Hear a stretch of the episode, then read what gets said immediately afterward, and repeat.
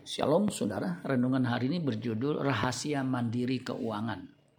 Pengkhotbah 5 ayat 10. Dengan bertambahnya harta, bertambah pula orang-orang yang menghabiskannya.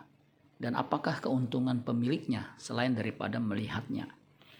Ada sebuah fakta yang cukup menggelitik. Orang dengan usia di atas 65 tahun atau lansia, 45% bergantung pada sanak saudara 30% bergantung pada kebaikan orang orang lain. 23% masih bekerja di usia senjanya dan hanya 2% lansia yang mandiri secara keuangan.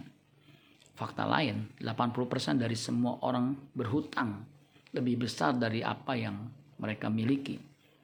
Dan 20% dari pendapatan digunakan untuk melunasi hutang barang yang konsumtif.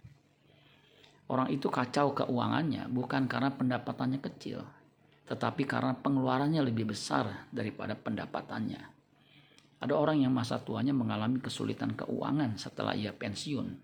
Padahal waktu itu dia memiliki jabatan yang baik dan prestisius. Bagaimana bisa?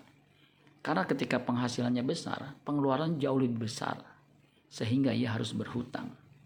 Alkitab dengan jelas mengatakan 1 Timotius 6 ayat 8, asal ada makanan dan pakaian cukuplah. Saya selalu ingat nasihat pimpinan saya ketika saya bekerja dulu.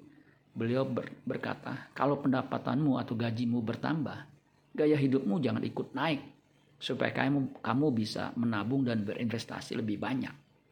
Nasihat praktis yang Alkitab Alkitabiah ini saya ikuti dan memang terbukti ampuh. Mengelola keuangan dengan bijak harus dimulai sejak muda supaya bisa mandiri secara keuangan di masa tua. Ibrani 13 ayat 5. Janganlah kamu menjadi hamba uang dan cukupkanlah dirimu dengan apa yang ada padamu.